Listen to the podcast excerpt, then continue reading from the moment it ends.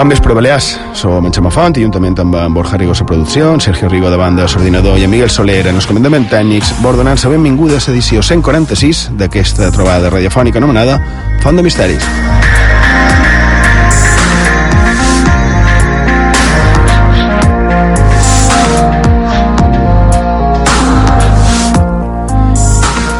I bé, ja, ja ho veus, avui tenim una edició reduïda de, de Font de Misteris, són les 10 i mitja, una mica passades, i bé, com sempre, els esports que, que ens prenen temps, així que anem per feines. Borja Rigo, bon vespre. Bon vespre. Tot bé? Tot bé. Fantàstic. Sergio? Bon vespre, Xema. Tot a punt? Molt bé. Fantàstic. Mm, si me permeteu, eh, et sumar el faré jo perquè és molt senzill. Com que només tenim mitja horeta, una mica manca mitja horeta, tractarem de posar-nos, si mos dona temps, una mica tener dia en la secció que nosaltres anomenem món diversos, perquè tenim un, un caramull de notícies que, que ens interessen, que, que trobem que són adients en la temàtica del programa, que algunes d'aquestes notícies també eh, estan relacionades amb, amb exposicions i, i semblants, i més són coses que també mos feis arribar a vosaltres, que, que vosaltres mos les feis saber mitjans, com sempre, a les xarxes socials, i també WhatsApp. WhatsApp, Sergio, no seria una xarxa social com a tal, no? Seria un mitjà de comunicació. Sí, realment sí. Sí, eh? I el correu electrònic, que per cert, també me crida l'atenció que m'arriben correus que són tots d'agrair i benvinguts en el meu correu particular, no sé si vos passa a vosaltres, m'arriben que, que tampoc qualcun sé d'on arriben, arriben qualcuns i també arriben consultes a, a nivell personal, de cara a cara. I també és molt curiós. Bé, això també, clar, no? I, quan, i més quan qualcú te reconeix, sobretot per sabó. Però me crides atenció això, que aquesta setmana m'han arribat tres correus en el meu personal. Res a dir, mm, benvinguts són. Um, deien de les xarxes, podries dir com poden contactar nosaltres, com poden seguir enviar-nos les seves no sé, les seves idees, les seves, els seus comentaris, les seves no sé, aquestes suggerències no? que no ens fan tan interessants. I d'allò sabeu, ens podeu enviar els vostres missatges i comentaris en el Facebook del programa i en el Twitter cercant Font de Misteris. També en el correu electrònic fontdemisteris arroba ib3radio.com o en el WhatsApp del programa 659 1669 52. Ho repetim, 659 1669 52. Finalment us recordem que ens podeu seguir a Instagram cercant Font de Misteris IB3, a Periscope i visitar el nostre web fontdemisteris.com.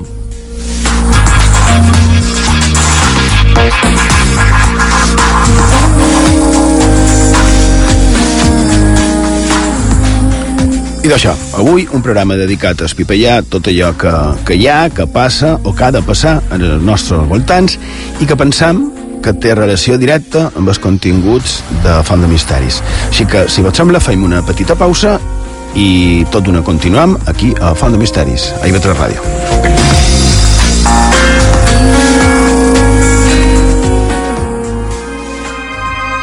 On la història es torna llegenda, a on el més quotidià es torna màgic. Acompanya'ns a la nostra font de misteris a IB3 Ràdio.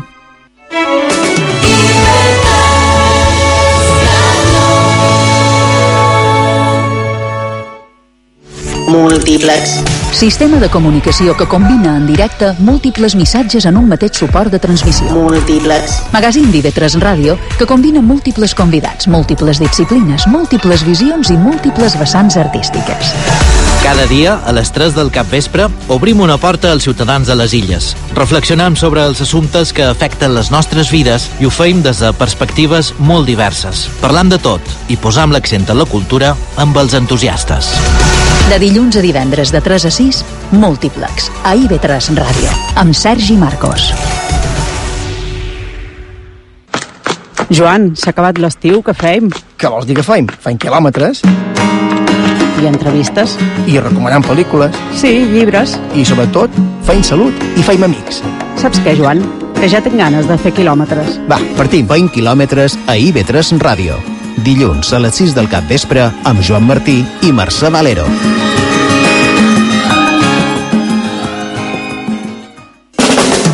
IB3 Ràdio t'ofereix la millor qualitat de recepció.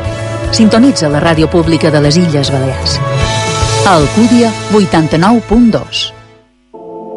Misteris i llegendes a Font de Misteris, amb Xema Font.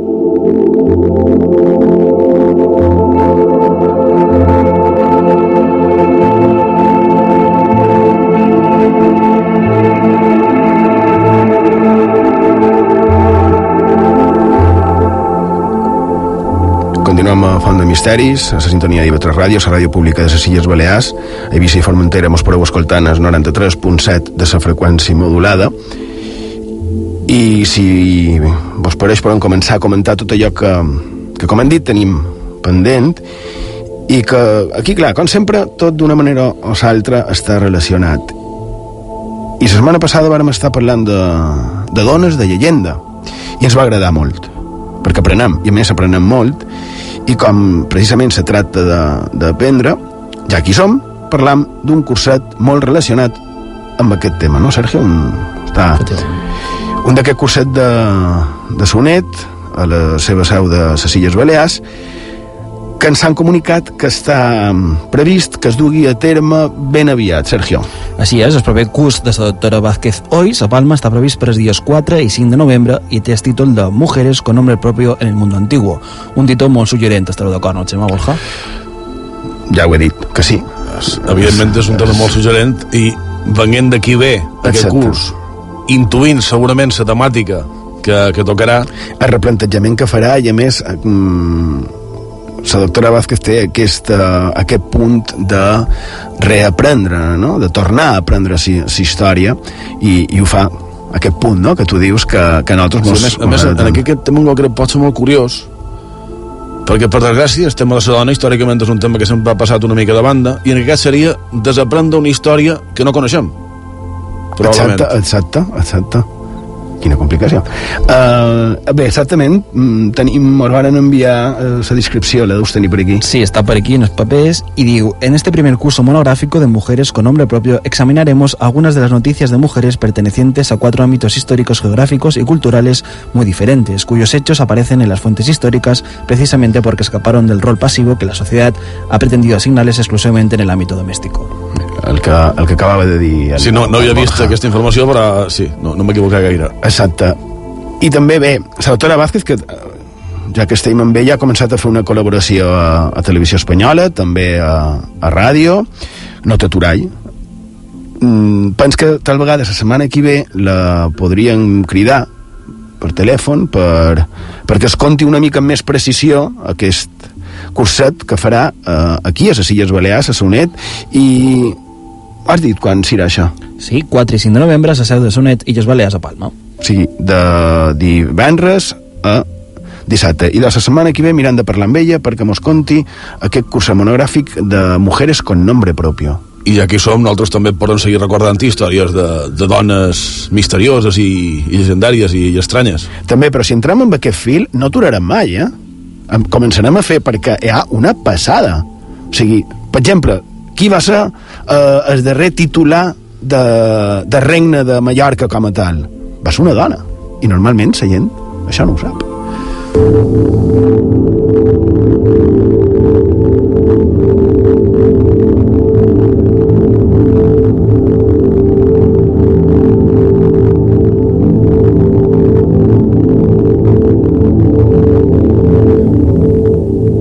Li pegam ara? I ara seguim amb una notícia que té com a protagonista el nostre Ramon Llull i que han conegut aquesta setmana passada, a Diari Última Hora. Diu així, una delegación balear pide al Papa que Ramón Llull sea santo.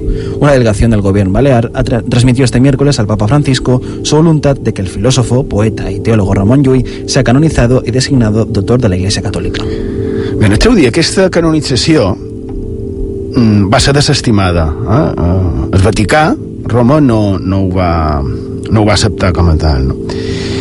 La veritat és que ens va cridar molt l'atenció i com, com es diu a, a les notícies urgents, no? que diuen això de haurà ampliació. I d'això més en van comentarem aquesta cosa de la santificació d'en Llull, la santificació o no d'en Llull, i tal vegada també aquí, si vos sembla, podríem fer una miqueta el que vàrem fer en, en la canonització precisament d'en Juniper Serra, que abans del procés final de la seva canonització ho vàrem estar comentant aquí, no? Uh, la part, una vessant i l'altra vessant, no? Els, els pros i els contres, que es diria. I a més també xerrant d'en Ramon Llull, que sempre ha estat acompanyat de polèmica, eh, de divisions entre lolistes i tomistes, amb, amb baraes, amb, amb Uh, exacte, disputes... exacte. Uh, aquí seria el tema, no? Bé, A més, Ramon Llull és una figura, si m'ho permeteu, que no té punt mig. És a dir, o la mires profundament com un dels grans savis de la història de la humanitat, o el detestes completament com feien precisament el que deies els tomistes en el seu moment o sigui, no, no era un, un apropament mos interessa un poc però no, o, era, o sí o no, era tot o res molt semblant idò, com, com han comentat amb en, amb en Juniper, no? protector o no protector dels antics nadius de, d'Amèrica, no? Interessant, prenen nota i quan comenci a posar-se en marxa el procés nosaltres estirem el darrere a veure què trobam.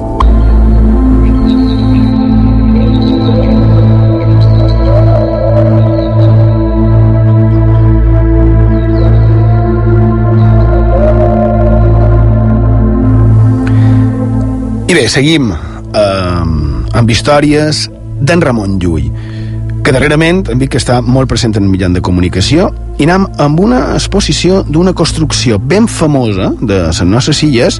No estem parlant de teleiots ni de taules, sinó bastant més moderna, però que també està plena d'enigmes, eh, també a la seva construcció, no? i que probablement tampoc mos hem fixat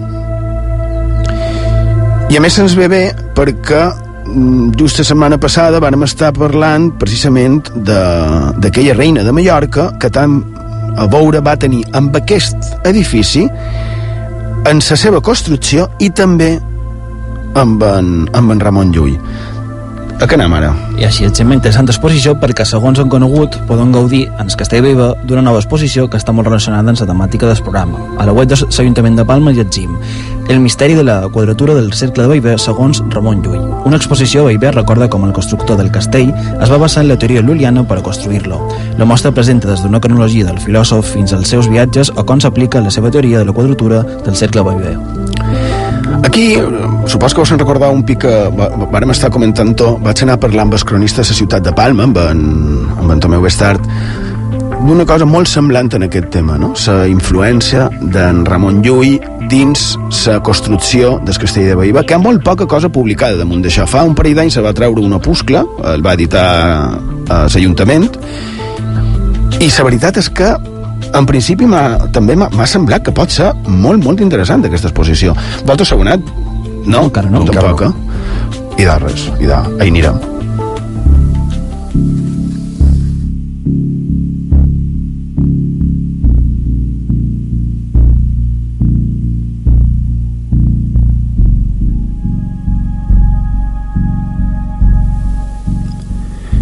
I d'exposicions, ara a unes conferències en aquest cas de l'agrupació astronòmica d'Eivissa.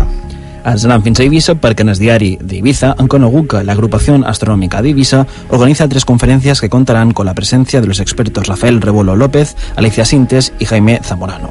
La agrupación astronómica de Ibiza, dentro de los actos de su 60 aniversario, ha organizado para las próximas semanas un ciclo de conferencias sobre temas astronómicos de actualidad, que contará con destacadas figuras de los campos que se tratarán.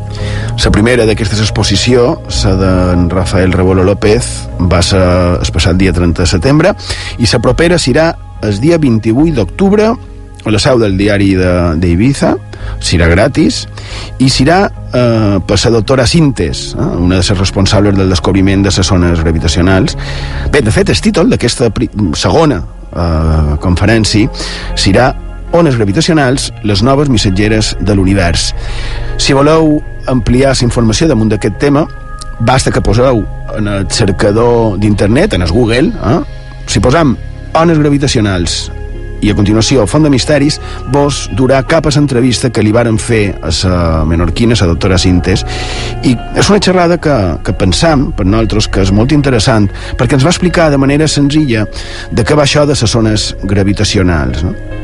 Que aquí som també, crec que ho van comentar la setmana passada, una pena que, que no els hi donessin no? en els nostres investigadors illencs el Nobel de, de Física, no parlarem de Nobels avui, Borja, no direm res de Nobels, no sé, va dir millor no. Val, millor.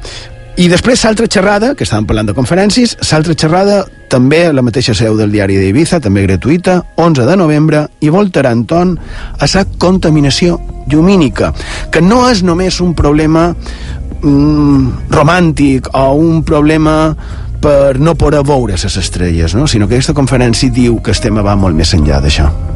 11 de novembre, per cert, no té exactament a veure la temàtica, però és la data aniversari dels famós Carmanices. Sí, i també el dia del 8 de la Seu.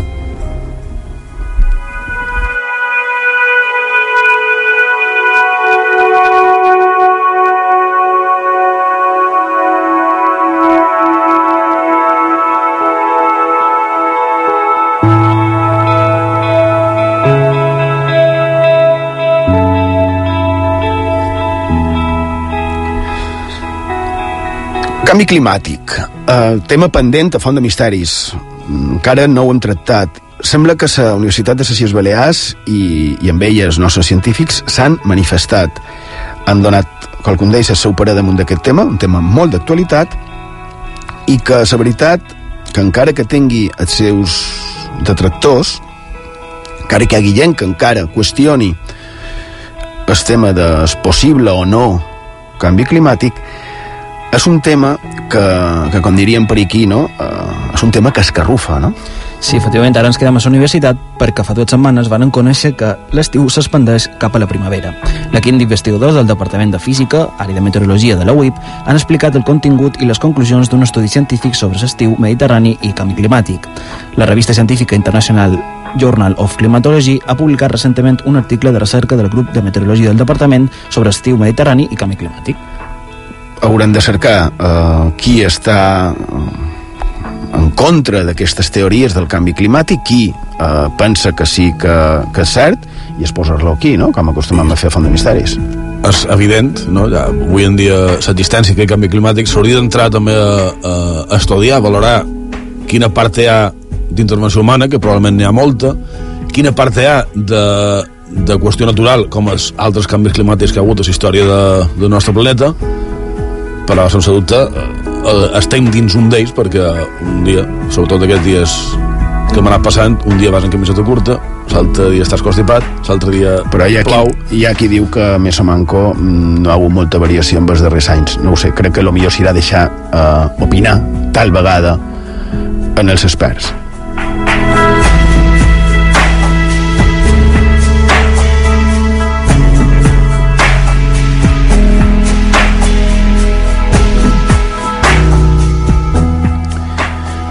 Per no rompre aquest, eh, aquesta corrent que duim als darrers programes, mm, amb això del tema de la premsa, de la influència de la premsa, mm, quan vàrem estar comentant tot això amb en, amb en Xisco García Antolí, el nostre particular crític de cinema, com no podia ser d'altra manera, ell ens va parlar d'una pel·li. Avui parlaré ràpidament de Lluna Nova, de 1940, dirigida per Howard Hawks i protagonitzada per Cary Grant i Rosalind Russell en el paper de Hildy. Ella és l'esdona i reportera del Morning Post, dirigit per Cary Grant. Aquesta vol deixar el món del periodisme per tal de tenir una vida més senzilla. Cary Grant farà tot el possible per evitar-ho, ja que continua enamorat d'ella.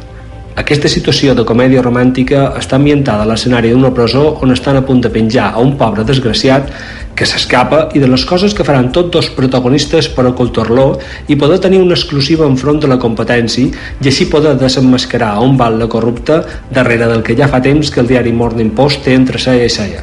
En resum, és una obra mestra que ningú no es pot perdre. Salut!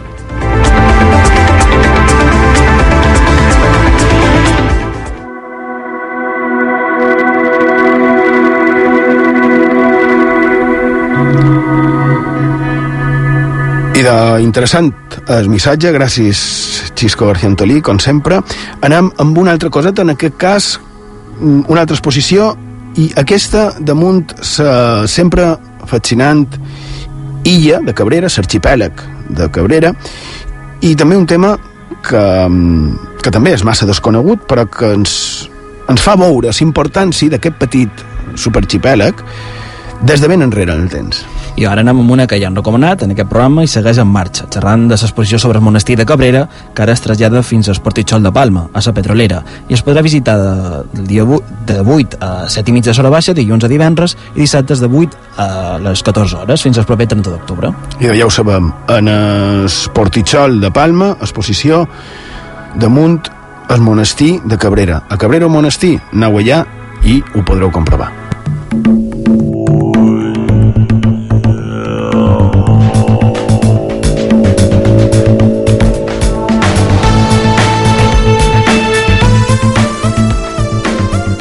Ja hem arribat a la fi del programa d'avui i esperem que heu passat una estoneta agradable i que hagueu pogut treure qualque cosa de profit d'aquesta font de misteris.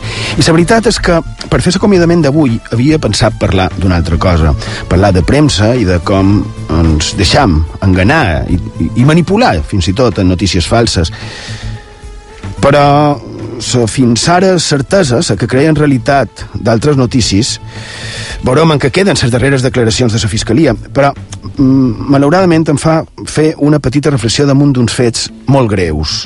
Aquests darrers dies hem vist a premsa, ho hem vist tots, i ho hem pogut llegir vari, diverses coses no? que crec que ens fan qüestionar-nos la confiança en l'espècie humana molt sabeu que a vegades penso que com a espècie no, no tenim remei i efectivament de tant en tant arriben notícies esperançadores però d'altres que fan pensar, que et fan reflexionar. I no per bé, justament no per bé una d'elles més llunyana ha estat veure un diari digital, tant se fa quin, una notícia que deia que a Haití encara no recuperats del, del terratrèmol de fa només 6 anys que els hi va deixar 300.000 morts, que es diu aviat, i d'encara no estan recuperats, i dilluns hi havia comptabilitzats més de 800 morts. I a part del morts, evidentment, catàstrofe nacional, a un dels països més pobres del món. I lluny de vora d'aquesta notícia, una altra, encara amb més espai dedicat, una notícia referida en el mateix fenomen atmosfèric que va provocar la tragèdia, però en aquest cas la notícia era que aquest huracà, el Matthew, havia provocat que no es pogués obrir Disney World i ho il·lustraven amb un caramull de fotografies. És a dir, sembla encara més important que no s'hagi obert el parc d'atraccions que no la vertadera tragèdia amb milers i milers de persones que ho han perdut tot. Això per una banda. I per l'altra, avui que hem comentat bueno, coses de premsa, no m'agrada entrar en temes d'actualitat i menys si encara estan en mans de la justícia. Però en aquest cas, pens que és de justícia, mai millor dir, mai millor dit, eh, i estic fent referència a la nina de 8 anys apallissada a la seva pròpia escola, aquí a les nostres illes, a poc quilòmetres dels estudis barriada de Sant Roc, a Palma. Apallissada fins a haver d'anar a l'hospital. Apallissada per companys, fet totalment irracional, i més si tenim en compte que els suposats agressors sembla que podrien tenir entre 12 i 14 anys. No? Que aquí ja un es fa creus, no? resulta del tot incomprensible. Tots hem estat nins, i aquí, a les nostres illes, la majoria han tingut la sort de poder anar a escola. Els nostres majors, encara n'hi ha molts que, que no van tenir aquella sort, però podríem dir que els menors de 65 anys gairebé tots. I la veritat és d'allò més incomprensible. 8 anys, apallissada per nins majors que ella. No sembla una baralla infantil. I jo, jo personalment, com a nin que vaig ser, no me'n puc avenir. Ni molt manco com a adult ni com a pare. I ara pens que molt tenim aquells records de infantesa, records agradables. I sovint un es troba, per exemple, amb antics company d'escola no m'imagino com, com haurà passat aquesta pobra criatura, no? Però si, no, si això no fos suficient, un nin també de 8 anys, Adrián, malalt de càncer, sembla que és un apassionant dels toros, bé, i li fa un homenatge. Tota la recaptació per als malalts de càncer i una dona li desitja sa mort.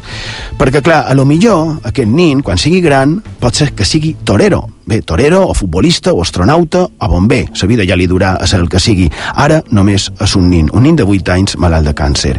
Aquí sa malalta sembla que és la que hauria fet aquesta publicació. I si ella té fills, com han de ser, no? No crec que entengui, no crec que ningú normal pugui desitjar una cosa així tenim fills. I si ho pensam, una cosa abans l'altra. Quina societat tenim on tenen massa cabuda aquestes coses? Quina societat han creat quan grups de nins dins una escola apallissen una nina 4 anys menor? Quan han d'enviar policia a la porta de les nostres escoles? Això és un fet objectiu. I quan sovint qui fa la vida normal són els agressors, també aquí, quina societat és quan els majors fem ús d'aquests fets per donar-nos entre nosaltres les culpes, per emprar-lo per atacar en els de devora i mos posam a parlar de colors polítics. Quan també, a més, diuen que pares dels agressors, així va sortir publicat a premsa, amenaçaven a sa mare de sa víctima perquè no sé què, ni vull saber els motius, tampoc. Però una nena de 8 anys només pot ser una víctima d'uns fets com el que s'han mostrat, no? Per això avui a les utopies de gairebé la mitjanit del 17 i 3 Ràdio m'agradaria somiar que tots, quan siguem grans, recordem el temps de la nostra infantesa, el manco aquí a les nostres illes, que ho tenim bé perquè sigui així, que ho puguem recordar com a temps feliços, temps de ser infants, temps plens de colorins, d'amistat, de llocs, d'aprendre i d'arribar a ser major i poder transmetre-lo a la següent generació. I si hi ha qualcú que no ho vegi així, i de lo millor no té cabuda dins aquesta societat, i ara no anem a donar-li sa culpa en els videojocs, a la televisió, ni res semblant. Sa culpa és dels pares, tutors i educadors, que hem deixat que les maquinetes, els televisors, youtubers i semblants s'encarreguin de l'educació dels petits. A vegades pens que han perdut el nord, però segur, segur que ho poden recuperar. I tant de bo que Nina Son Roc i n'Adrián tornin somriure, tornin, com us diu una Cindy Lauper, a mostrar-nos el seu color i que aviat ens pugueu mostrar un somriure que tal vegada mai no hauríeu d'haver perdut. Cindy Lauper, True Colors. Alli Pau, bona nit. Gràcies per la vostra companyia i fins la setmana que ve. You with the sad